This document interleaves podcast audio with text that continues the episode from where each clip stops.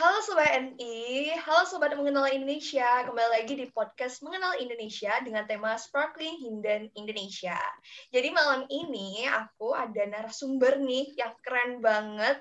Jadi mbaknya itu suka keliling-keliling daerah-daerah hits di Indonesia. Apalagi kalau zaman sekarang tuh terkenalnya apa sih? Hidden Gem tuh. Nah mungkin teman-teman yang butuh spill-spill Hidden Gem di Indonesia, kalian wajib banget untuk nonton dan dengerin podcast ini karena kalian bakal menemukan referensi-referensi baru nggak hanya dari TikTok atau Instagram aja tapi langsung nih dari travelernya. Oke, okay, please welcome to Mbak Bita. Halo Mbak Bita, selamat malam. Halo, selamat malam sahabat Sparkling Hidden Indonesia, mengenal Indonesia. Bener nggak? Iya benar-benar. Halo Mbak Bita, apa kabar nih?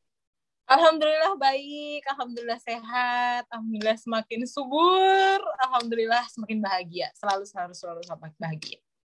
Alhamdulillah. Oh ya, tadi kan kayaknya belum Abdul ya Mbak. Aku tadi belum perkenalkan diri. Boleh, Kenalin, aku Kirana Enggar, so, uh, selaku magang di Mengenal Indonesia. Tapi biasanya akrabnya dipanggil Kirana gitu. Jadi Mbak hmm. Bita bisa panggil aku Kirana aja. Oh, Kirana. Oke, okay, Kirana. Oke, okay, Mbak Bita boleh memperkenalkan diri juga? Boleh, boleh. Iya, halo teman-teman Mengenal Indonesia. Aku di sini Fitria Sabita. Uh, bisa dipanggil Bita kalian manggil aku Bita aja nggak usah tambahan Mbak nggak usah tambahan Kak nggak usah tambahan Bita aja biar kita se kayak seumuran gitu jadi nggak ada nggak ada batasan gitu Asik, aku okay.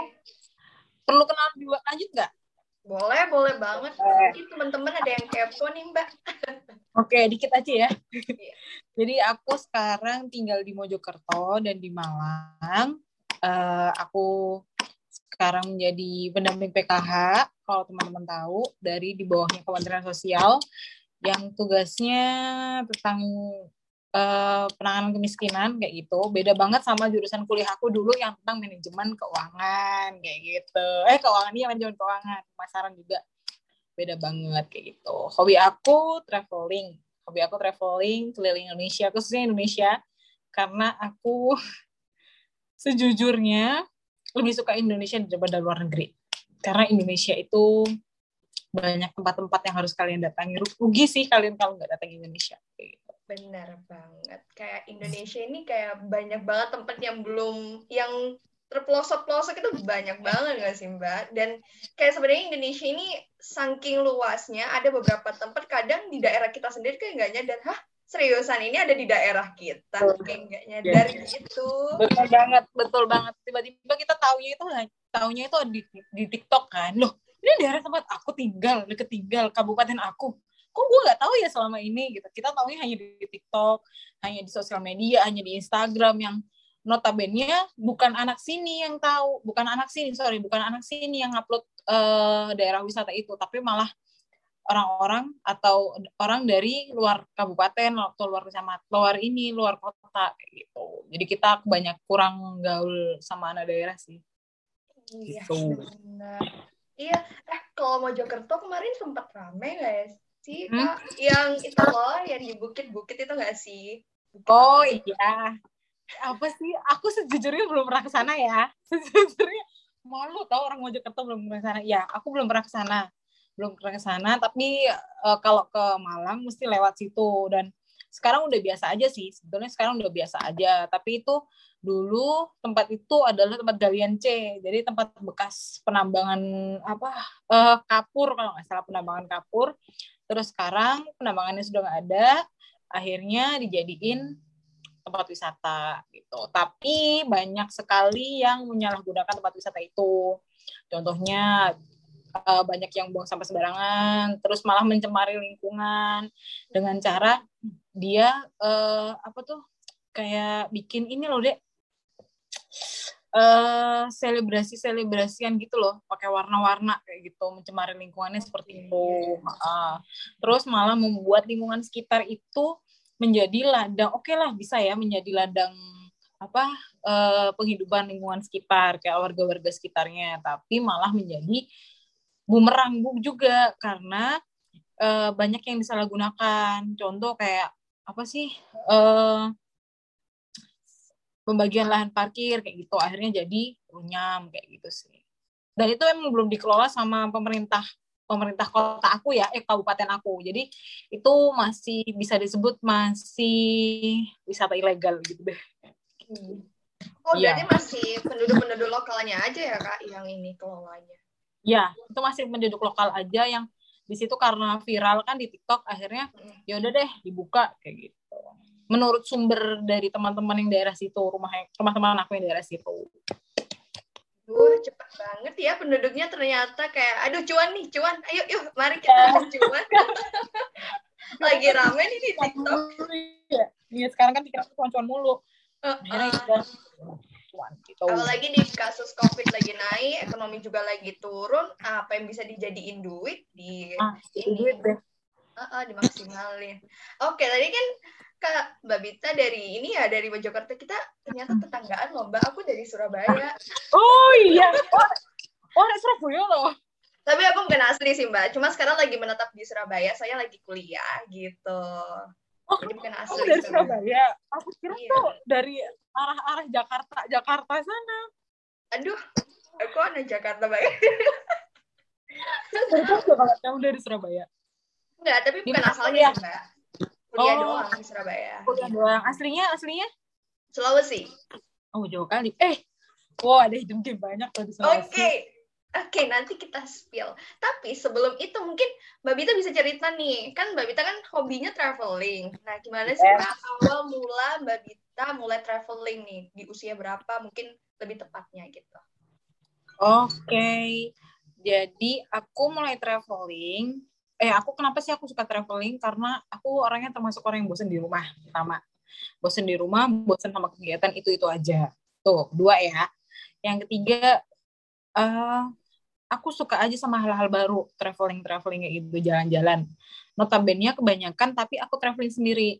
Dalam artian lu solo traveling lah tuh jadi aku berangkat sendiri sampai sana aku ketemu temen gitu. Tuh ada juga yang aku traveling bareng-bareng sama teman, tapi lebih nyaman untuk traveling sendiri sih, gitu.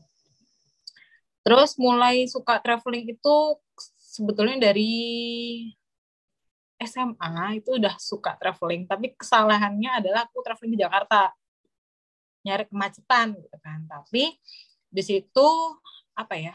Aku mendapatkan pelajaran banyak sih traveling di Jakarta itu karena uh, sebetulnya itu ceritanya aku ikut uh, orang tua untuk ada acara di Jakarta, ada rapat kantor gitu kan. Terus aku ikut nebeng lah setidaknya.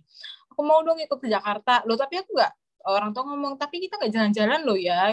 Aku orang tua kerja gitu, ayah kerja gitu. Ayah kerja akhirnya mau nggak mau daripada aku bosen di kamar, aku akhirnya jalan gitu. Tapi sebel, sebelumnya pas udah masih di di ini ya sebelum berangkat itu aku udah bikin itinerary.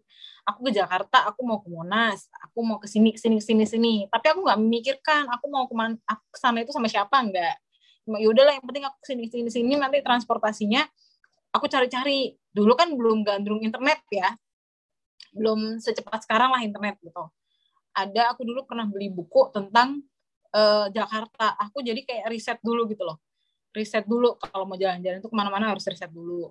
Terus itu SMA. Mulai yang traveling bener-bener itu kuliah. Kuliah semester 1, semester 2. Ya, sampai semester berapa ya gue kuliah? Semester 7 lah. Gitu. Semester 7 aku mulai, semester 6, 7 itu aku mulai uh, menekuni kayak traveling gitu. Bisa satu semester sekali ke tempat yang memang belum pernah aku datengin. Kayak Toraja kayak uh, suku Baduy di Banten kayak gitu. Gitu sih. Kayak ke Lampung kayak gitu. Aku dulu juga pernah ada mungkin ada cerita dikit ya cerita dikit. Aduh gak enak tapi nggak apa-apa deh. Mung, uh, kebanyakan orang traveling kan pas untuk ya. Tapi kalau aku itu emang karena aku kebutuhan aku apa ya kebutuhan aku pengen jalan-jalan terus habis itu pas banget aku uh, kayak apa sih hmm, lagi skripsi itu lagi morat marit lah bahasa nih kok ya morat marit itu ya? Eh lagi acak-acakan lah gitu kan ditinggal dosen ke sini ke sini ke sini akhirnya aku mulai udahlah aku akhirnya traveling kayak gini gini gini traveling jalan. Akhirnya jalan Hmm. Itu sih. Tapi memang kalau anak-anak mau memulai traveling itu pasti kuliah gak sih mbak? Iya. Soalnya teman-temanku juga gitu, mulai-mulai traveling itu kuliah SMA itu ya paling ya udahlah sekitaran kota-kota yang ditahu aja gitu, kayak apa ya istilahnya kayak museum-museum kayak kayak Monas tadi Mbak Bita cerita gitu. Tapi kayak kuliah tuh memang eksplorannya udah jauh banget, bener-bener kayak nikmati masa-masa remaja ya. Karena habis kuliah udah kerja nih. Tapi sebenarnya traveling itu bisa jadi kerjaan juga nggak sih Mbak? Bisa, bisa banget kalau ditekunin sih. Kayak teman aku, satu teman aku tuh bener-bener dia nekunin traveling, akhirnya sekarang jadi host salah satu di apa salah satu program TV TV kayak gitu. Akhirnya dia kan lumayan dapat duit kan di situ. gitu. Terus kalau semuanya kita bisa nekunin juga jadi blog kayak gitu. Tapi berhubung aku tidak gemar untuk menulis atau untuk ngedit-ngedit video, jadi udahlah buat kehidupan ini aja, buat kesenangan aku aja gitu. Itu sih. Oke, keren ya. Ternyata gitu. Aku tuh sempat kayak tahu juga sih beberapa lihat-lihat di sosial media. Eh, ternyata ada yang bisa apa menghasilkan duit dari traveling kayak keren banget kayak gitu. Tapi Mbak Bita pernah nggak sih kepikiran kayak "Ah, kayaknya traveling ini bisa aku jadiin kerjaan deh nih. Kayak gitu. Pernah nggak sih Mbak kepikiran gitu? Dulu sempat kepikiran ya, Hmm. awal pokoknya fresh graduate lah. Fresh graduate gimana sih? Kamu belum fresh graduate ya? Masih kuliah kan ya? Oh, iya, Masih belum. kuliah Mbak? Nanti ada ada di mana kamu ingin melakukan kegiatan yang kamu inginkan dan itu menghasilkan duit, yang kamu sukai ya, dan itu menghasilkan duit. Itu aku pernah ngerasain kayak gitu. Jadi kayak yaudahlah aku jalan sini sini sini, aku upload ini ini ini ini ini. Kali-kali ada yang eh apa tuh nyantol lah setidaknya. Kalau kita banyak viewersnya kayak gitu kan banyak viewersnya terus orang banyak suka sama konten kita akhirnya kan main jadi duit kayak gitu. Tuh dulu aku sempat berpikiran seperti itu. Tapi eh aku nggak seyakin itu sama diri aku. Jadi kayak aku masih jalan setengah-setengah gitu loh deh jalan setengah-setengah akhirnya ya udah akhirnya nggak jadi gitu. Nggak jadi apa nggak jadi duit akhirnya nggak jadi duit malah ngeluarin duit tapi aku traveling tuh kebanyakan aku buka jastipan sih. Jadi sekalian traveling sekalian jastip oleh-oleh sekalian traveling sekalian nyari duit. Gitu. biar nggak rugi lah tiketnya. Iya, benar banget. Iya kan kalau misalnya dari travelingnya nggak dapat bisa lah itu just tip just tip kan biasanya orang-orang tuh penasaran nih aduh pengen nyobain makanan dari khas daerah ini nih tapi nggak tahu just tip ke mana keren banget. Iya bener. Kita tuh harus bisa memaksimalkan cuan-cuan dari kanan dan kiri. Memaksimalkan bagasi sih lebih tepatnya. Memaksimalkan bagasi daripada bagasinya nganggur gitu kan. Kalau naik pesawat atau naik kereta cuma kita bawa carrier doang tapi nggak bawa apa eh menghasilkan apa-apa ya udah nggak apa-apa lah. Agak repot dikit sih sebetulnya. Tapi oke okay, lumayan. Buat ganti tiket trans buat ganti transportasi kita selama berangkat iya bener lumayan. Apalagi kalau bagasi pesawat bayar nggak sih mbak sekarang? Oh, mbak Bita masih dapat nggak sih? Kan dulu peraturannya ada tambahan bagasi tuh bayar gitu ya bagasi ya dulu dulu peraturannya ada bagasi itu bayar. Cun, uh, itu jadi aku kalau kalau traveling itu selalu menerapkan gini berangkat aku nggak bawa banyak banyak baju gitu kan. Nggak bawa banyak banyak barang tapi aku pulang oke okay lah tambahan gitu kan. Dan berangkat aku naik uh, maskapai maskapai penerbangan yang nggak ada bagasinya cuma ada kabinnya doang jadi oke okay lah tas carrier 60 liter bisa masuk gitu kan nggak sampai berapa 15 kilo ya aku lupa 15 apa 10 ya segituan nah pulangnya aku nyari uh, maskapai yang ada bagasinya, free bagasinya. Nggak boleh spill ini ya, nggak boleh spill maskapai ya. Jadi sponsor mbak Oke, okay. gitu deh. Pasti banyak lah ya, tahu, pasti udah tahu semua kalau. Tapi kayaknya aku tahu deh. Kita telepati aja gimana mas? Iya iya yang, Yang itu depannya L kan? Oh yang hijau aku tahu. Yang hijau cuma satu ya kalau nggak salah sekarang. Iya, yang itu cuma satu. Itu kan lumayan kan, nggak terlalu mahal. Nggak terlalu mahal, tapi dia dapat bagasi 20 kilo, kan lumayan. Jadi tas tas carrier kita kita taruh di kabin, uh, jastipan kita taruh di bagasi kayak lumayan lumayan loh 20 kilo beliin Lumayan apa banget. kopi Toraja kan juga udah full Nah, tadi kan kita bicara agak singgung-singgung tiket uh, pesawat-pesawat nih. Pasti ini berhubungan dengan budgeting. Gimana sih Mbak Bita ngatur budgeting untuk traveling? Apalagi waktu zaman-zaman kuliah itu kan di mana uh, uang jajan itu pasti kan kayak udah press tuh. Aduh, cuma ini nih uang tapi aku pengen traveling. Kalau kata-kata anak zaman-zaman sekarang tuh pengen healing gitu loh. Iya, nah sekarang mah udah alay kebanyakan hilang hilang hilang hilang hilang hilang tapi nggak apa-apa lah ya. Yang penting kalian harus produktif kayak gitu.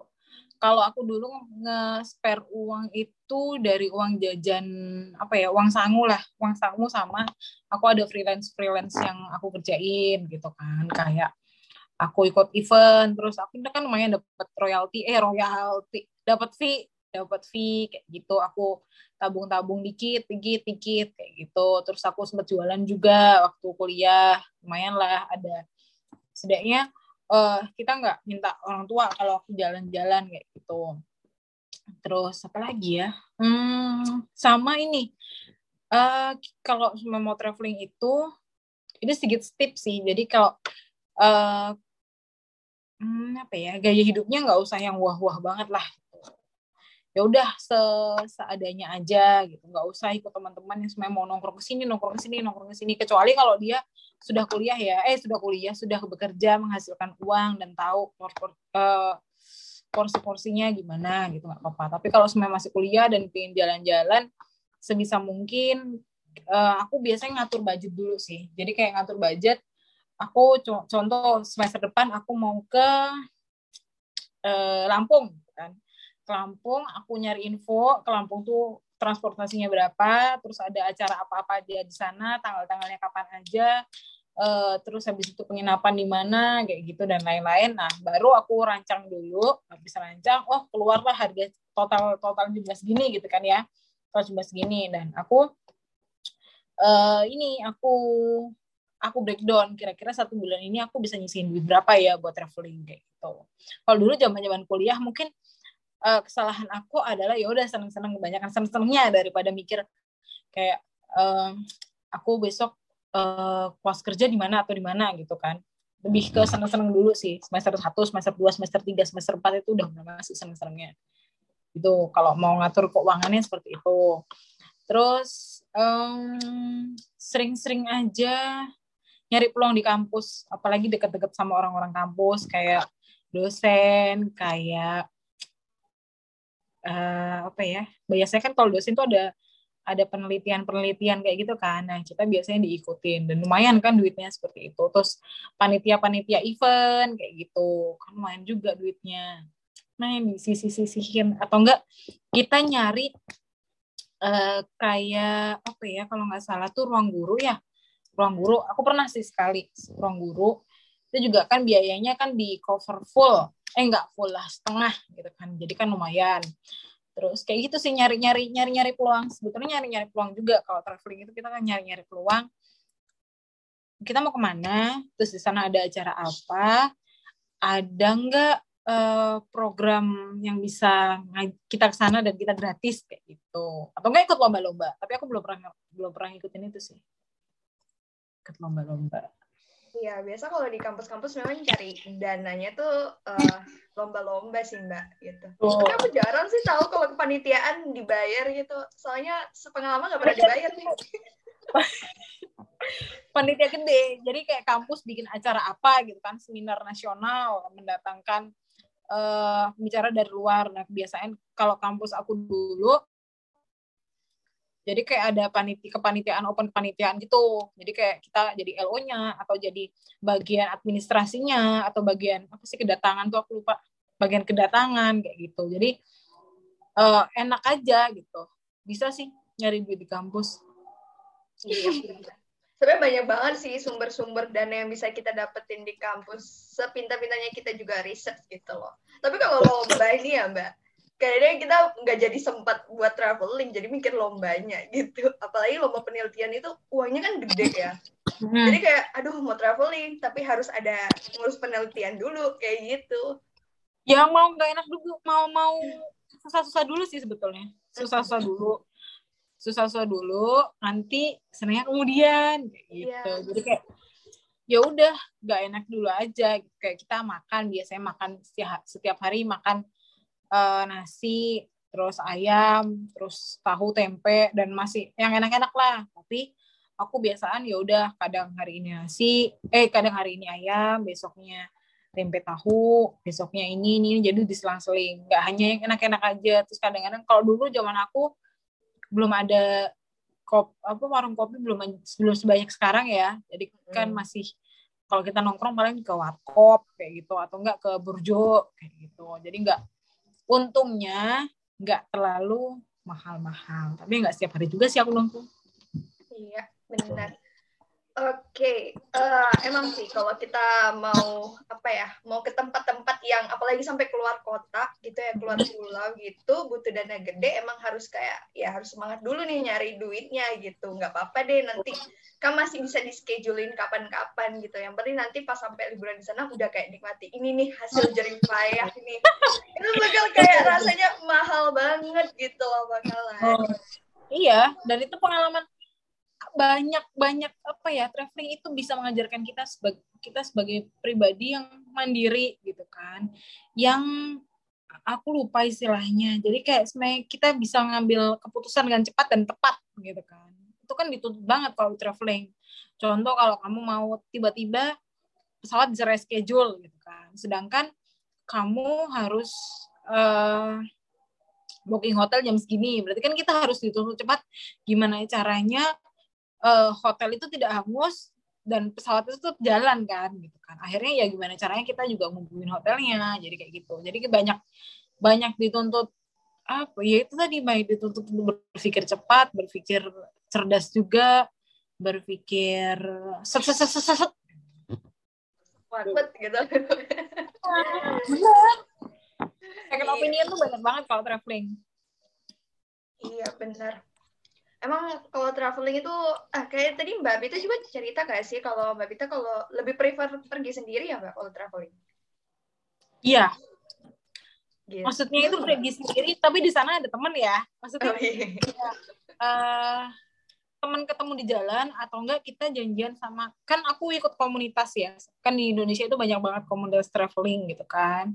Ada uh, female backpacker, ada apa sih aku lupa uh, kurva sub backpacker kalau nggak salah. Kurva sub backpacker dan lain-lain. Nah itu aku salah satunya itu dulu pernah nemuin berapa kali sih berapa kali dapat temen di situ dan dia warga lokal dan dia bisa nganterin kita ke mana aja.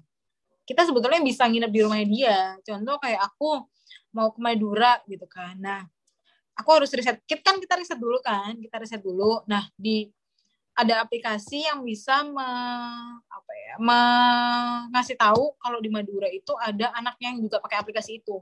Jadi kayak semacam Facebook lah, Facebook location gitu loh.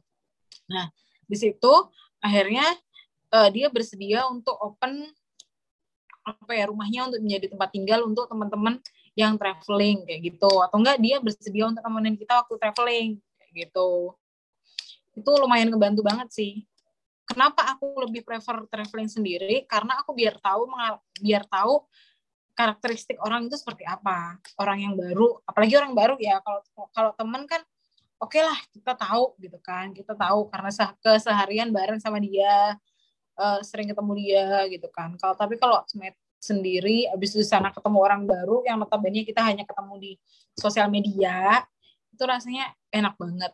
Maksudnya bukan en ya enak banget enak-enak nggak enak gitu kan. Kadang-kadang kan karakteristiknya beda dan lain-lain tapi nggak apa-apa. Itu menjadi pelajaran kita. Kita nggak bisa lebih mengenal bisa lebih mengenal uh, penduduk lokal. Karena kebanyakan yang karena kebanyakan yang ketemu di sana itu kebanyakan penduduk lokal kayak gitu. Jadi semakin banyak teman juga. Benar. Benar benar. Itu keuntungan dari traveling ya. Jadi memperluas relasi yang ada. Nah mengenai karakteristik orang yang berbeda kan kan orang-orang kan tiap daerah pasti kan bahasanya beda-beda, intonasi bahasanya beda-beda. Pernah kaget gak sih Mbak pernah ke daerah mana gitu kayak oh my god ini kok bahasanya kayak gini ya? Aku lagi dimarahin atau enggak ya? Kan biasa di pulau oh, iya. Sulawesi Sumatera Kalimantan kan ada bicaranya kan agak tinggi ya kalau dari Jawa kayak gitu. Ya itu pernah pernah sekali. Aku ke Palembang. Kalau nggak salah aku lupa. Iya ke Palembang. Aku ke Palembang. Sebetulnya itu itu cuma apa ya salah satu kejadian yang menurut aku bisa menjadi aku bisa buat aku pelajaran mendapatkan pelajaran gede banget. Uh, aku cerita boleh gak sih? Boleh ya? Boleh banget mbak. Jadi di situ posisi itu aku lagi ngejar pesawat malam. Kalau nggak salah jam malam jam 8 pesawat dari Palembang ke arah Jakarta. Nah posisinya aku jam 3 itu masih di tengah kota padahal bandaranya itu jauh banget dari kota. Ya sekitar 20-30an kilo lah. Eh ya segituan lah. Akhirnya mau nggak mau aku harus naik transportasi yang bisa cepet sana kan. Nggak mungkin aku dulu nggak masih nggak ada grab. Dulu jarang banget ada grab. Uh, dan eh sorry. Itu apa? Ojol-ojol dan teman-temannya jarang banget. Adanya cuma ojek pangkalan adanya bis kota adanya sama trans kalau nggak salah. Belum ada belum ada apa itu MRT. Kalau sekarang kan Palembang ada MRT. Nah, akhirnya mau nggak mau aku harus naik transportasi umum kan. Naik transportasi umum dan naik naik e, kalau nggak salah itu naik ojek ojek pangkalan gitu deh. Nah, e, setelah aku timbang-timbang gimana caranya aku bisa sampai bandara sebelum jam 8, aku mau nggak mau harus naik ojek kan, ojek pangkalan gitu. Nah, ojek pangkalan. Dan aku kan awalnya naikin dulu naik transportasi umum dulu ke arah yang ke dekat bandara. Jadi kan biar ongkosnya agak agak murah lah gitu kan daripada kalau kita harus naik naik ojek di tengah kota habis perjalanan ke bandara 30 kilo kan lumayan juga tuh duitnya. Akhirnya aku siasatin biar naik uh, transportasi umum naik bis kota dulu ke arah pinggiran kota yang arah ke bandara. Nah itu akhirnya titik terakhir di uh, terminal kayak terminal pinggiran kota itu. Terus akhirnya aku kan harus nyari harus nyari transportasi ke arah bandara ya. Sebut di situ tuh aku coba nyari ojek online kalau nggak salah. Nyari ojek online. Susah banget nyantolnya karena emang itu tahun 2000 berapa ya? 2010 atau 2011 ojek online kan belum banyak.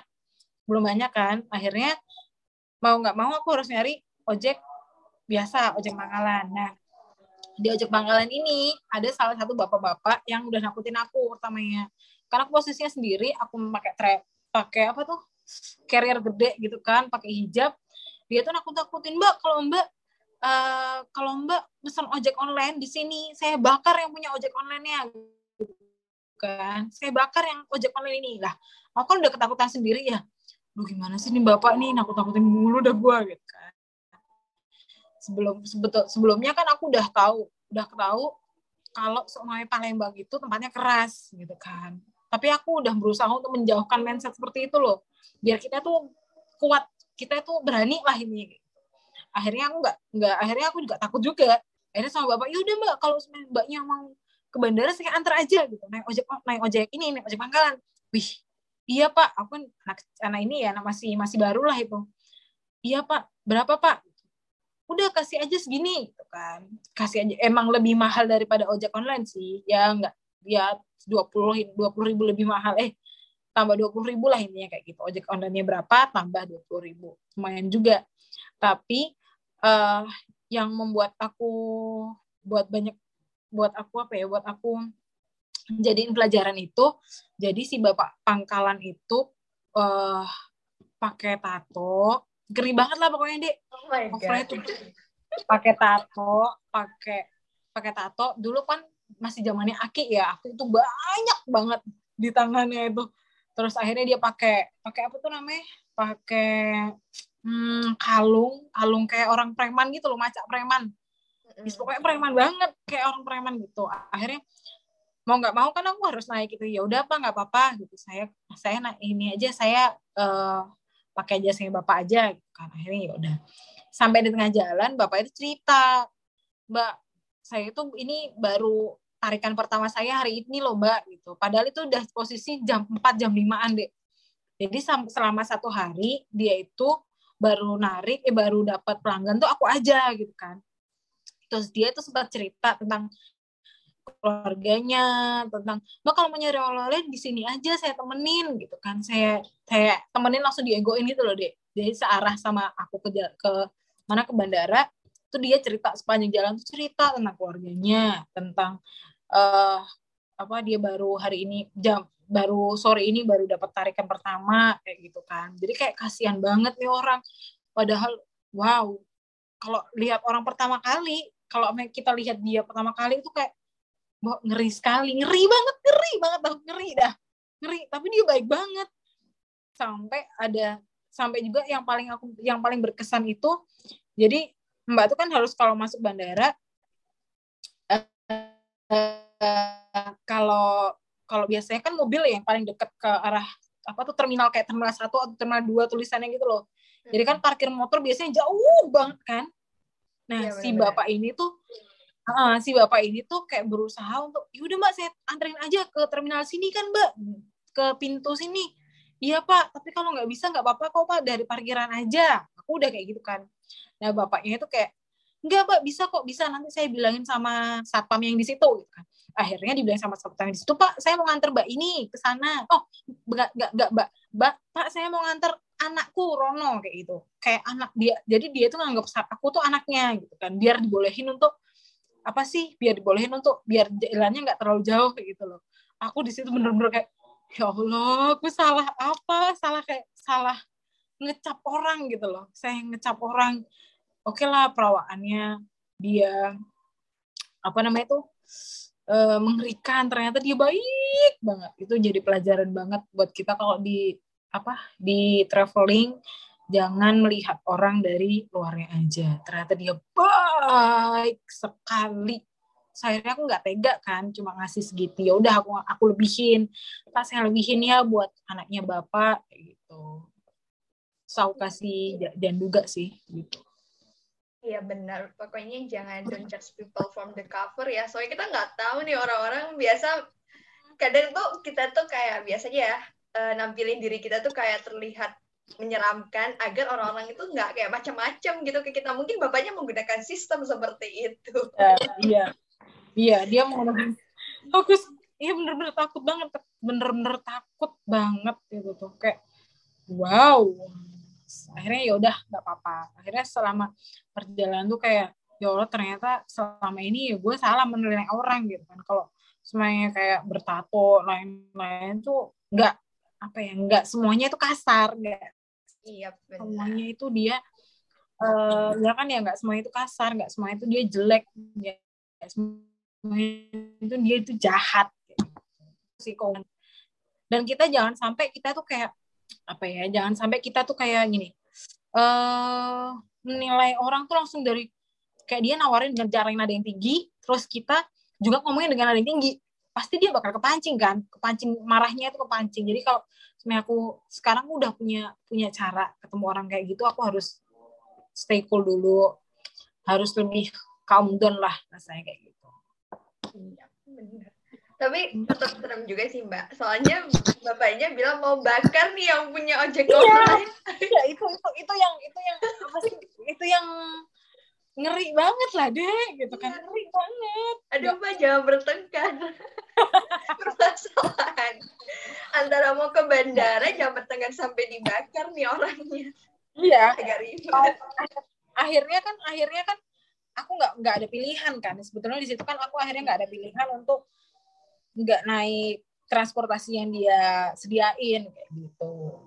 Nggak apa-apa lah teknik marketingnya bagus juga ya bapak proyeknya bapak tapi jangan ditiru tidak baik tidak baik takutnya Iya, tidak semua orang menanggapinya itu dengan kayak seperti Mbak Bita baik-baik saja. Mungkin kayak oke okay, ikutin babanya. Siapa tahu ada yang benar-benar kayak mau aja tawuran juga nih. Iya, yeah, padahal mah di, di dalam hati mah udah takut banget gitu, udah istighfar nulisnya. Iya benar. Aku kalau jadi Mbak Bita juga kayak gini, udah deh Pak, udah saya tinggal di sini aja dulu, saya nggak jadi berangkat. oh ya, Mbak Bita, Mbak Bita kan udah sampai Palembang ya. Emang uh, udah berapa kota sih Mbak totalnya tempat yang pernah Mbak Bita kunjungi? Kayaknya udah banyak banget deh. Kalau kota sih lumayan banyak ya, tapi kalau pulau aku cuma berapa sih? Jawa, Bali, Sumatera. Yang belum aku cuma Papua sama Kalimantan. Aku belum ke situ. Oh berarti Berarti Sulawesi sama Maluku udah nih Mbak? Eh iya Maluku belum, Maluku belum. Sulawesi udah, Maluku belum. Oke, okay, mungkin uh, Mbak Bita bisa cerita nih dari tempat-tempat dari seluruh dari pulau-pulau yang udah pernah Mbak Bita datangi nih. Pulau mana sih yang tempatnya tuh kayak bikin wah ini nih orang Indonesia perlu tahu banget gak sih gitu. Kan kita kan nggak semua orang bisa eksplor seluruh pulau yang ada di Indonesia kan ya kayak gitu. Aku banyak mana ya? Banyak sebetulnya deh karena di Jawa itu ada mana itu? Aku lupa kalau di Jawa tuh. Di Jawa tuh juga ada Banten. Banten itu provinsi sendiri ya tapi kan masih Pulau Jawa. Banten itu juga tempatnya bagus banget. Pulau Baduy eh, Pulau Baduy suku Baduy aku pernah ke suku Baduy juga ada di Sulawesi itu ada Toraja aku juga pernah ke Toraja juga yang paling berkesan menurut aku Sulawesi uh, Sulawesi, Jawa, Kalimantan, eh Kalimantan, Sumatera, Bali, Lombok itu semua punya kesan. Semua punya kesan punya ada cerita sendiri-sendiri sih. Tapi yang paling yang paling berkesan banget buat aku itu eh Palembang. Eh uh, ini Sulawesi.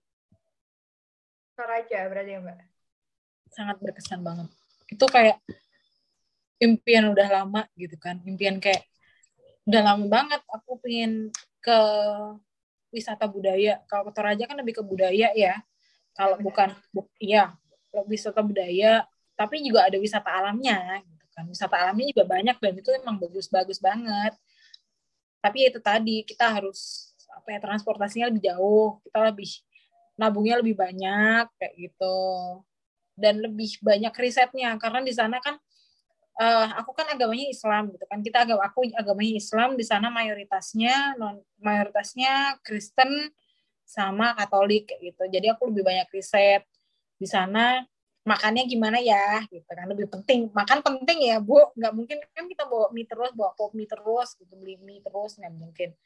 Makannya ada nggak uh, tempat warung halal di sana? Terus habis itu ada nggak tempat penginapan yang syari lah setidaknya syariah syari gitu kan. Nggak. Banyak kan tempat penginapan penginapan yang dia kalau di Toraja itu banyak banget penginapan penginapan yang abal-abal gitu kan okay. terus ya banyak banget. Terus habis itu uh, tempat ibadah musolanya masjidnya. Kita dengar azan nggak ya di sana gitu kan. Tapi emang aku akuin Toraja itu meskipun kita menjadi kaum minoritas gitu kan. Tapi di sana itu damai aja. Damai damai nggak ada kerusuhan saling menja saling menghargai kayak gitu. Saling menghargai satu sama lain. Uh, apa aja ya, dia saling bantu membantu sih seperti itu jadi kayak semuanya ada aku tuh jadi aku ceritain yang itu aja ya jadi satu satu salah satu tempat yang menurut aku adalah tempat traveling yang paling paling aku suka, paling aku senengin itu di Toraja. Jadi kalau di Toraja itu aku sebetulnya nginep di rumahnya uh, kepala suku di daerah sana. Dan kepala suku itu saudaranya teman aku yang di Jakarta. Jadi dikasih rekomendasi, udah kamu nginep aja di rumahnya tante lah kalau sana. Tante aku di sana di Toraja. Akhirnya aku nginep di sana. Sebet uh, rumahnya itu jadi homestay gitu kan akhirnya aku dapat dapat homestay kan dapat homestay di sana terus ketemu teman-teman uh, ada salah satu temanku yang asli sana dan banyak banget di homestay itu banyak banget apa ya pendatang banyak banget wisatawan-wisatawan juga. Tapi di situ tuh uh, tantenya teman aku tuh bilang oh kamu muslim ya? Oh iya kalau kamu muslim kamu nanti kamarnya sebelah sini ya jadi jauh dari uh, kayak dijaga gitu loh nggak boleh dekat sama kamar yang cowok atau kamar yang dari luar negeri kayak gitu. Jadi kayak sebenarnya kita nyaman aja untuk beribadah kalau ada kalau apa tuh kalau kita beribadah biar dia tidak terganggu atau dia beribadah juga kita tidak terganggu kayak gitu. Kamu sebelah sini ya nggak apa-apa ya di sini. Terus nanti makannya kamu mau makan apa? Dimasakin apa? Gitu kan. Kamu nggak makan kayak babi atau apa daging anjing kan di sana dimakan ya? Daging anjing gitu kan. Iya iya. Aku lupa manggilnya siapa ya namanya iya Inang kalau nggak salah. Sama mirip-mirip sama orang mirip-mirip sama ini. Orang mana tuh? Uh, orang Medan. Akhirnya ya udah dimasakin yang buat breakfast ya. Buat breakfast aku dimasakin yang setidaknya kayak masakan enggak masakan masakan Jawa kayak gitu loh. Terus kalau sebenarnya itu hari pertama hari kedua aku lebih milih oh yaudah aku ini aja roti aja gitu kan. Kita kan kita nyari amannya aja ya gitu kan. Karena kita nggak tahu prosesnya memasak itu campur sama yang ada yang haram atau tidak gitu kan. Kan kita juga harus menjaga uh, asupan yang kita makan kayak gitu. Jadi aku lebih milih oh yaudah roti aja gitu. kecuali kalau di situ ada uh, apa tuh tempat makan khas dan dia ada tulisan halalnya. Dan kebanyakan di Toraja itu kalau dia tidak halal bener-bener tulisan warungnya itu ada tulisan yang tidak halal. Kalau sebenarnya halal ada bener-bener kayak ada tulisan halal. Contoh kayak bakso bakso sapi bawahnya ada tulisan halal gede banget. Nah kayak gitu. Itu sih tol toleransinya itu. Jadi kan kita sebagai apa ya sebagai pendatang sebagai tamu sebagai uh, traveler itu nggak salah masuk masuk uh, masuk tempat makanan jadi dipermudah sih seperti itu iya oh keren aku tuh orang Sulawesi tapi belum pernah ke Toraja kak mana Sulawesi Aku di Sulawesi Tengah gitu. Mana itu? Sulawesi, Sulawesi Tengah Palu. Tahu gak sih? Oh, Palu. Iya, iya, iya, tahu, tahu, tahu. Itu dulu pernah aku hampir hampir menjadi relawan Palu. Tapi nggak jadi. Yang 2018 kemarin ya? Mm-hmm. Tapi nggak jadi dari kantor nggak nggak ngebolehin untuk uh, cuti. Itu kan lumayan panjang ya dua minggu kalau nggak salah. Nggak hmm. dibolehin ya udahlah. Ya apa hmm. ada peluang yang lain. Aku tuh penasaran gitu loh Toraja tuh kayak gimana. Karena kalau teman-temanku sih bolak-balik ke Toraja jadi kayak penasaran Toraja tuh kayak gimana. Apalagi kayak aku kan muslim gitu ya. Kalau di sana tuh aman gak sih? Makannya gimana? Dan lain sebagainya kan Toraja kan 11-12 kayak Manado ya. Kayak maksudnya ya, Islam itu minoritas gitu. Jadi kayak gimana ya kalau Manado aku memang udah tahu kayak gimana gitu kan. Jadi kayak taunya dari ayahku gitu. Oh ternyata kayak gini gitu. Kalau Toraja gimana ya? Apalagi budayanya kental banget kan kayak gitu. Berarti sempet nonton ini gak sih kak? Ritual-ritual. Iya. Jadi itu salah satu wishlist aku ya. Kayak aku kayak ke suatu tempat tuh harus ada wishlistnya gitu kan aku bakal aku kejar wishlist itu gitu kan kayak apa sih anaknya ambis banget untuk ngerjain wishlist wishlist kayak gitu akhirnya ada salah satu kemarin waktu ke Toraja itu tuh jadi aku mau ke arah ke tempat wisata gitu kan. Dari di daerah tempat wisata itu dekat tempat wisata itu ternyata ada rame-rame. Nah aku tanyalah sama teman aku itu ada apa? Oh ada ini opa, opera eh, operasi sama upacara penguburan gitu kan. Wih upacara penguburan yang diarak itu kah? Gitu kan. Iya yang diarak. Yaudah kita berhenti aja. Nah padahal posisinya itu tuh kita nggak tahu itu tuh siapa yang meninggal bukan dari keluarga teman aku, bukan dari keluarganya aku, bukan dari keluarga saudara apa tuh uh, Inang, bukan dari tempat yang aku nginep itu bukan. Jadi kayak ya udah ada orang meninggal kita belok aja. Aku pengen ikut apa ya, ikut lihat prosesinya gitu kan, ada lihat prosesinya. Ya udah dan kita emang wisatawan di Toraja, baik luar negeri dan baik dalam negeri, orang daerah sana itu mungkin udah udah paham lah ya akhirnya wisatawan itu benar-benar ditaruh di tempat yang bagus banget untuk ambil video uh, untuk kita bisa menyaksikan dari atas lah setidaknya gitu loh jadi kayak dia bikin ya, ya bikin bikin tempat yang kayak tebing gitu kita tuh bisa dilihat dari atas dan prosesnya itu di bawah gitu jadi kayak kita wow gini ya ternyata prosesinya ya dan kita bisa ikut prosesinya sebetulnya kayak kita ngarak keliling keliling uh, keliling desa kalau uh, ngasih tahu kalau ada orang meninggal di sini. Kalau di Toraja kan gitu ya. Uh, apa namanya? Adatnya seperti itu. Kalau ada orang meninggal, dia bakal diarak diarak keliling desa seperti itu. Terus ada upacara juga, tapi sebetulnya pas upacaranya, upacara iya pas upacara kalau nggak salah, upacara potong uh, tedong bonga, tedong bonga itu sapi sapi khas Toraja dan ini sapinya itu sapi putih, sapi albino. Dan itu mahal banget harganya. Itu bisa 500 juta satu sapi doang. Oh my god. Hmm, satu sapi doang itu bisa 500 juta. Dan uh, itu aku nggak sempat nggak ikut sih kayak gitu. Dan banyak banget sih pelajaran-pelajaran yang bisa aku ambil di situ. Jadi kalau kita seorang muslim nggak nggak mau bedain ya, tapi kalau kita seorang ya itu mungkin karena tradisi atau karena udah kepercayaan leluhurnya mereka kalau kita seorang muslim orang meninggal itu langsung dimakamkan gitu kan dan kalau orang uh, menurut kepercayaan orang tua aja kalau meninggal itu ya biarkan dia di rumah dulu di rumah uh, yang tuan rumahnya itu uh, kayak menganggap dia itu masih sakit. Jadi setiap hari masih dikasih makanan sambil menunggu uang untuk prosesi upacara pemakamannya itu terkumpul. Karena orang Toraja karena menurut berapa temanku yang udah pernah ke Toraja dan emang aku tanyakin sendiri ke yang punya homestay karena mereka beranggapan kalau meninggal itu sama aja kayak ada upacara pernikahan jadi gede-gedean. Tuh. jadi eh jor-joran lah kalau bahasa bahasa Jawa Timurnya jor-joran. Jadi kayak contoh anaknya tiga gitu kan. Kamu yang nanti kamu yang beliin sapi uh, tedong bonga itu tadi yang harganya 500 juta segini segini segini gitu. Jadi makanya kenapa nggak langsung dikuburkan atau nggak langsung dimakamkan atau nggak langsung ditaruh di batu kan kalau orang meninggal di sana tapi nunggu duitnya untuk acara itu terkumpul gitu. dan uh, waktu terkumpul itu si mayitnya itu tetap ditaruh di rumah tetap ditaruh di kamar dan satu orang rumah yang satu rumah sama dia itu harus beranggapan bahwa si mayit itu hanya sakit gitu. Jadi kayak kita yaudah jadi setiap hari dikasih makan kayak gitu, diantarin makan ke kamarnya kayak gitu.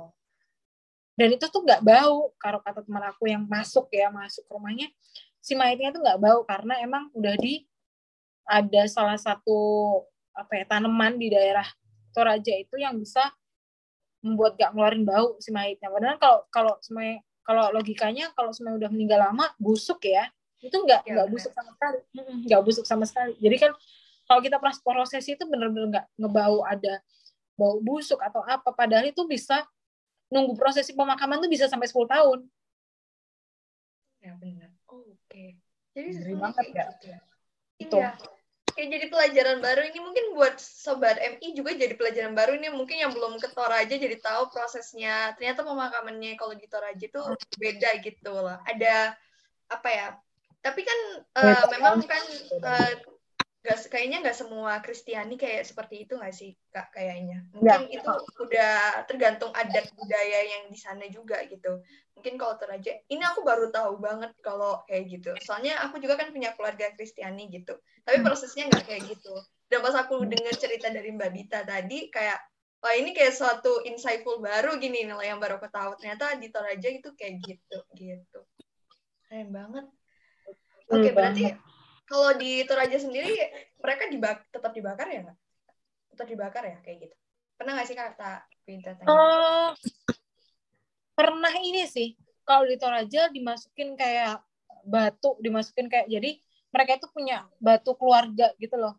Kayak kalau di sini pekuburan keluarga, kalau di sana tuh batu keluarga. Jadi si yang meninggal itu dimasukin ke dalam batu. Jadi udah dibuka, dibukakan, dibikinkan lubang gitu kan batu tebing lah tebing dan batu. Pokoknya itu wah gede banget. Itu dimasukin. Jadi yang meninggal itu dimasukin ke dalam situ gitu.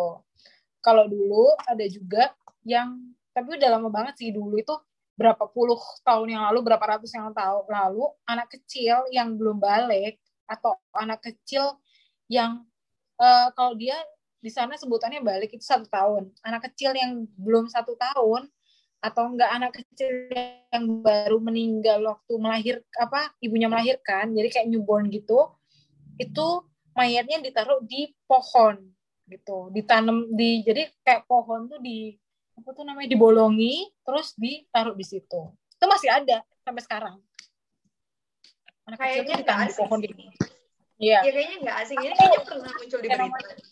iya iya. Aku lupa namanya baby brave kalau nggak salah baby brave atau apa gitu pohon pohon bayi baby bre iya lupa aku namanya apa iya ada kok Berarti- banyak di situ Pohonnya itu juga pohon dari satu keluarga itu ada di situ atau memang dari satu suku gitu? Kalau nggak salah satu suku nggak sih?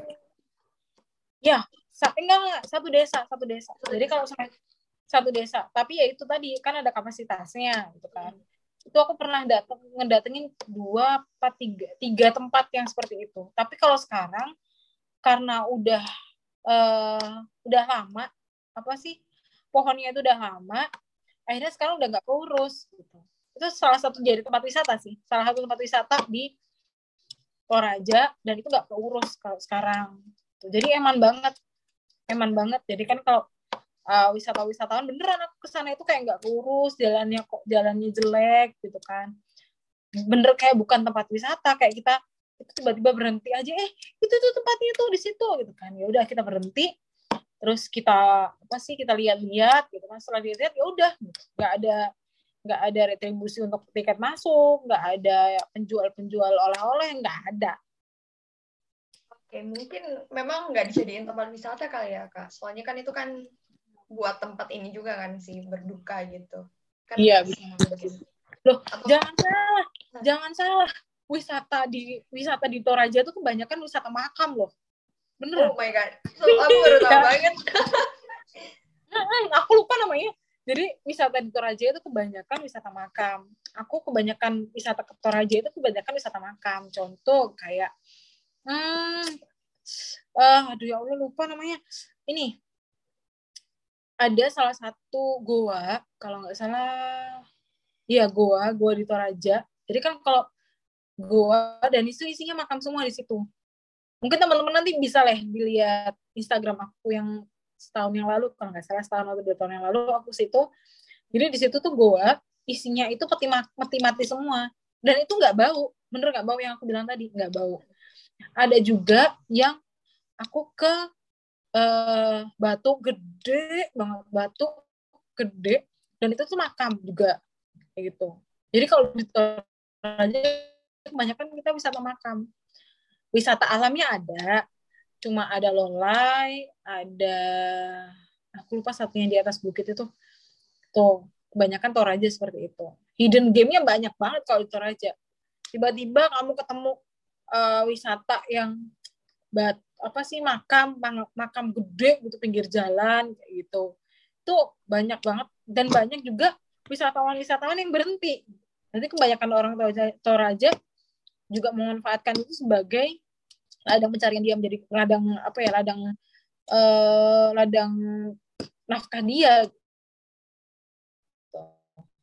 buat ada yang jual oleh-oleh kecuali desa adat ya karena Toraja juga ada desa adatnya Ini di adatnya beda lagi ya kak, berat sama yang Mbak Wita kunjungi. beda beda. Desa adat apa ya sebentar deh. Aku lupa deh jujurnya lupa nama desa adat. Ada desa adatnya di daerah Toraja itu apa ya yang satu rumah eh bukan satu rumah dari satu desa itu tuh bangunannya bangunan bangunan apa bangunannya kayak bangunan-bangunan khas kayak gitu. Dan emang di belakangnya itu juga ada makamnya juga. Tapi itu beda beda wisata lah gitu. Beda tempat wisata Hmm, Baru tahu banget ini kalau ada desa apa tadi kak? Aduh lupa nih. Desa Aku namanya bentar. Duh HP personal lagi. Ada desa adat pokoknya aku lupa namanya ntar. Ada deh nanti nanti nanti aku chat aja deh. Namanya? Kalau mungkin buat teman-teman buat sobat MI mungkin penasaran desa adat itu kayak gimana bisa teman-teman searching juga di Google pasti ada gitu. Nanti teman-teman cari tahu juga. Setelah nonton podcast ini dengerin podcast ini gitu. Ternyata luar biasa banget ya Mbak. Ternyata dari Toraja kita banyak belajar gitu hal-hal yang baru yang sebenarnya jarang kita temuin di daerah tempat tinggal kita sendiri kayak gitu. Hmm. nah kan tadi eh, Mbak Bita juga udah nyinggung nih hidden gem di Toraja tuh banyak banget tuh kayak teman-teman makamnya. Kan mereka lebih ini ya lebih tempat wisatanya lebih banyak makam gitu kan. Hmm. nah kalau di daerah lain ada nggak sih Mbak hidden gem yang Mbak Bita rekomendasiin buat anak-anak eh, kuliahan sekarang yang mau healing healing asik kalau anak sekarang mah aku lihat-lihat healingnya cuma ke pantai ke gunung kayak gitu kan ya kebanyakan ya gitu kan. Tapi emang oke okay lah kita emang ngikutin zaman gitu kan kalau aku healingnya ini sih hidden gemnya itu nggak usah jauh-jauh kalian cuma ke ini aja. Mana tuh namanya? Suku Baduy. Itu hidden gem banget. Itu banyak banget kita olahraganya dapat karena kita harus trekking selama 4 jam. Jadi kan kalau suku Baduy kan kita kayak masuk ke suku pedalaman gitu kan. Ya. nah itu trekking ya bayangin kayak naik gunung lah separuh gunung gitu kan 4 jam terus kamu bisa mengenal adat sana. Bener-bener kamu bisa mengenal adat sana satu sama lain. Kan Baduy kan ada suku Baduy dalam suku Baduy luar. Beda adatnya suku Baduy dalam sama suku Baduy luar tuh beda banget. Terus transportasi ke sananya dari Jakarta lah. Dari Jakarta itu juga kamu bisa belajar harus naik hmm, oplet ya iya oplet oplet ke daerah mana tuh daerah naiknya pas ke suku Baduy itu Baduy luar dari luar itu kita harus naik trekking 4 jaman kayak gitu. Nah, airnya bersih banget di sana, pemandangannya bagus. Kamu mau makan, kamu mau ngambil uh, kelapa atau degan, itu juga nggak apa-apa dibolehin. Tapi kan kalau kita ke masuk ke Baduy, ke Baduy dalam atau Baduy luar itu selalu ada guide tournya, guide tour lokal. Suku Baduy pernah pernah tahu nggak suku Baduy, guys? Aku kalau aku pribadi pernah dengar sih kak, tapi belum pernah ke sana gitu. Dan nggak tahu kalau itu sebenarnya jadi tempat wisata gitu baru Iya, itu jadi tempat wisata itu jadi tempat wisata. Jadi suku Baduy itu dia masih menjunjung adat istiadatnya luhur ya. Kalau suku Baduy suku Baduy dalam banget masih adat menjunjung adat istiadatnya luhur. Jadi dia kalau Baduy dalam itu eh, ke mana-mana nggak pakai sandal, nggak pakai alas kaki, dan nggak boleh naik transportasi apa pun itu sampai sekarang. Oh, jadi kalau dia mau, iya, jadi kalau dia mau ke Jakarta, itu ya dia harus jalan nggak mau nggak boleh naik transportasi apa pun. Berarti itu kayak sebuah kepercayaannya mereka dari luar. Ya. hmm. itu itu kepercayaannya mereka seperti itu sih kalau sekarang. Uh, banyak banget nggak boleh pakai. Mungkin karena dia untuk menjaga kepercayaannya itu sampai dia nggak boleh pakai apa sorry kayak baju apa sih baju yang dijahit. Jadi pakainya pakainya jari gitu. Berarti yang ah, dililit gitu ya? Iya, yes, betul. Yang dililit-lilit kayak gitu. Hmm. Terus, uh, apa sih, banyak juga yang dia beranggapan nggak boleh. Sebenarnya kita kita kan sebagai pendatang, kadang-kadang sampai baduy dalam ya, baduy dalam, kita kan ini ya, bersih-bersih lah ya, cuci muka dan lain-lain. Nah, di sana nggak boleh ada bahan kimia satupun, bahan kimia satupun yang mencemari lingkungan, entah itu dari deterjen, entah itu dari kita, entah itu gigi kita dan mandi lah. Kasarannya nggak mandi pakai sabun. Gitu. Kalau kita mau nginep di sana ya tapi emang harus nginep. Kalau nggak nginep capek banget. Kita nginep di iya capek banget. Karena udah trekking 4 jam berangkat 4 jam pulang yang 4 jam kan. Nggak mungkin kita nggak nginep.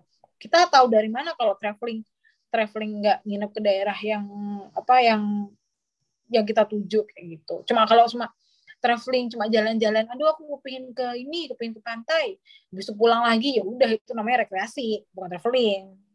Tuh. Iya benar.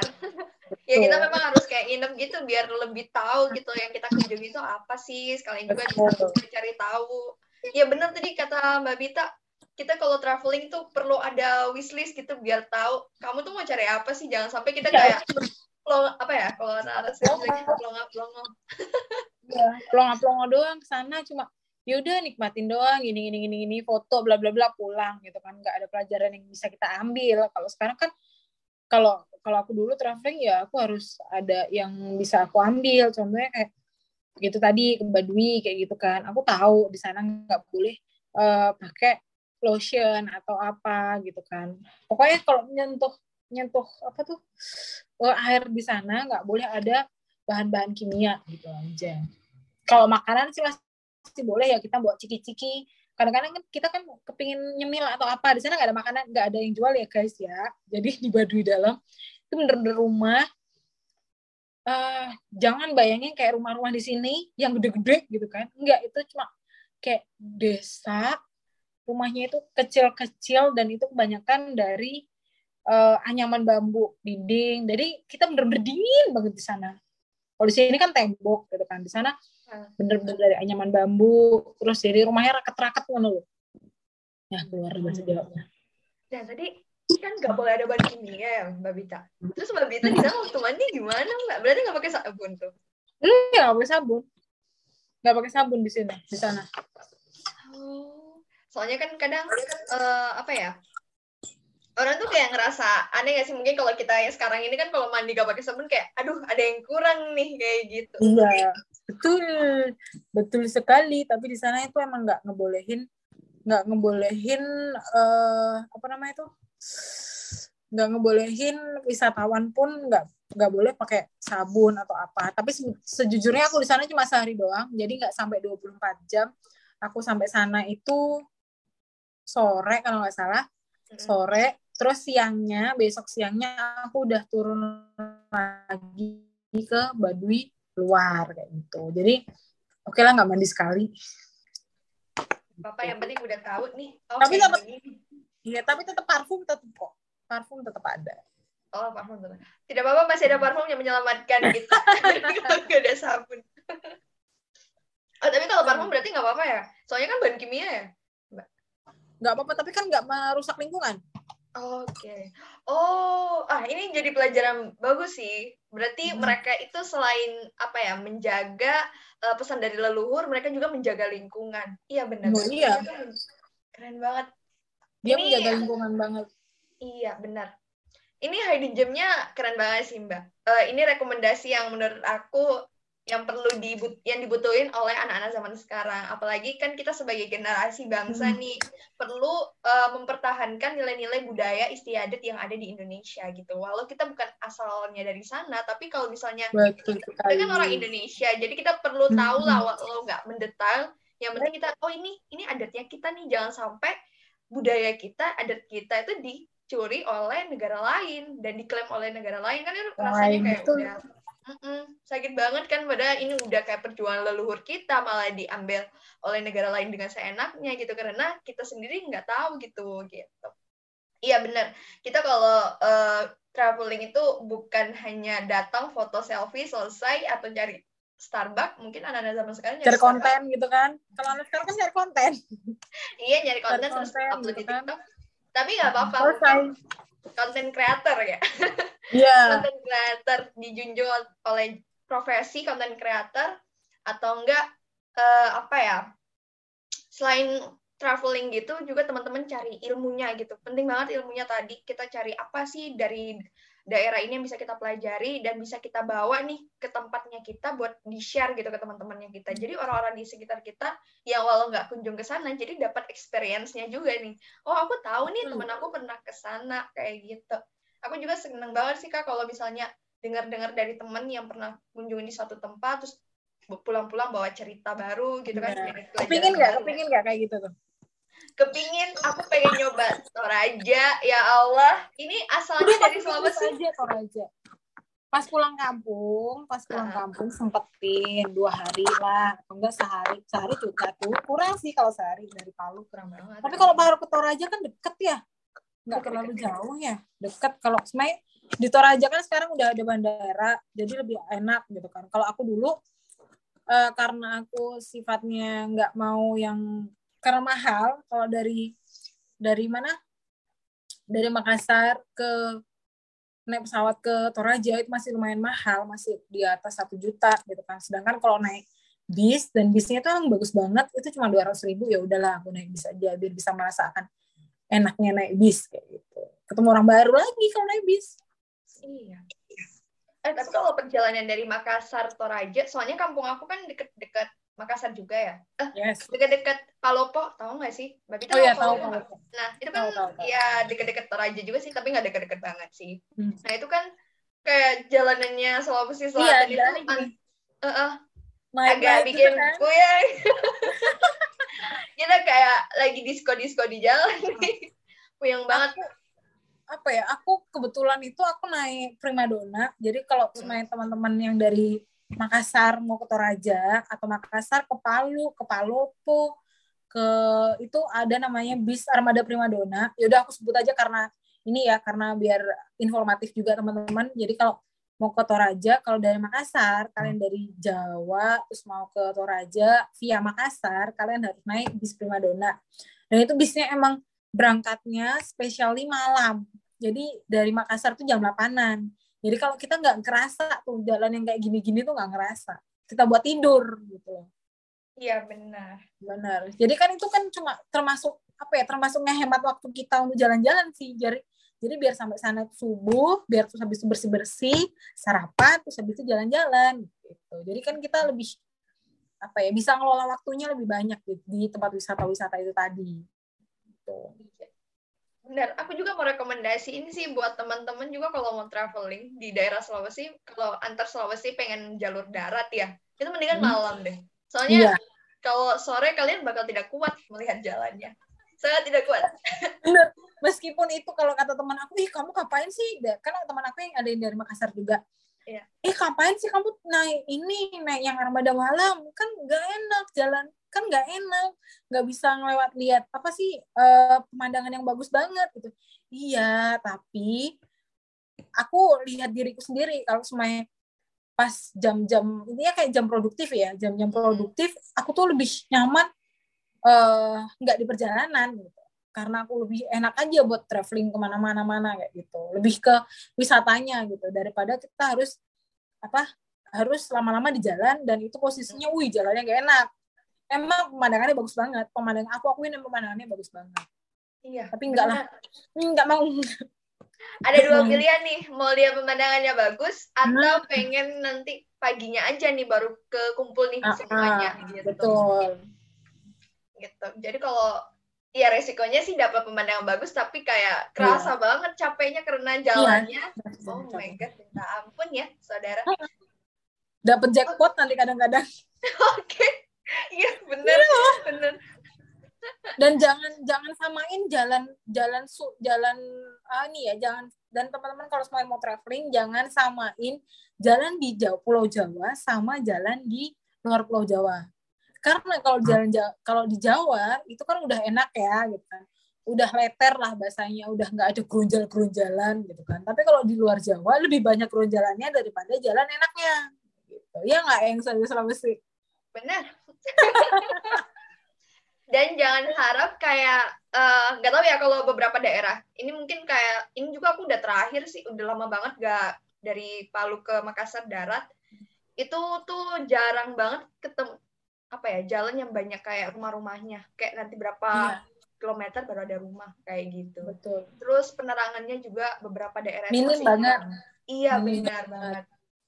Kayak gitu sih gitu. Jadi belum memang belum merata semuanya. Ya mudah-mudahan ya eh, dengan ibu kota kata ibu kota mau pindah nih ke Kalimantan mungkin membawa perubahan buat amin amin daerah eh, daerah-daerah di luar Jawa biar Iya. pemerataan eh, penerangan lampunya merata gitu ya. merata betul banget Pener- penerangan eh, penerangan ekonomi tentang ekonominya juga biar merata biar tahu oh Kalimantan itu seperti ini tapi emang pro kontra pro kontra ya gitu kan aku Iya. udah nggak mau bahas itu deh gitu kan Iya. Itu biar yang yang ahlinya aja Iya, ya yang bahas. ahlinya. Kita sebagai masyarakat Indonesia mendukung hal yang baik gitu. Apa yang baik kita dukung. sekali. Benar sekali. Oke, nggak kerasa ya Mbak, kita udah hampir sejam ya kayaknya Iya, kita ngobrol sejam. ya. udah hampir sejam ternyata Dan kita ini sebenarnya masih banyak juga nih mau bahas-bahas tempat-tempat, tapi kan kita nggak mungkin ya bahas satu persatu tempat-tempat yang dikunjungi Mbak Bita. Namun betul. eh, beberapa tempat yang tadi udah dicerita Mbak Bita itu memberikan apa ya memberikan insight baru buat aku pribadi, mungkin juga buat sobat-sobat MI yang mendengarkan dan juga menonton Mhm. podcast ini. Jadi tahu nih dari budaya yang ada di ada suku Baduy, ternyata itu jadi Yes. tempat wisata, terus juga Hmm. ada Toraja dari Toraja itu wisatanya tuh yang uh, notabene lebih banyak makam, tapi teman-teman jadi tahu nih proses makamnya itu kayak yang berbeda gitu loh dari daerah-daerah lainnya. Dan juga yang cerita menarik di Palembang, don't judge people for the cover. Sama pas setiap orang, iya. Iya, bener. Setiap traveling itu selalu memberikan aku pelajaran sih. Banyak banget memberikan aku pelajaran. Setidaknya satu, kita bisa menghargai orang lain, bisa menghargai uh, apa tuh namanya? Uh, wisata apa? orang di sekitar itu karena kita dari budaya yang berbeda kayak gitu kan gitu.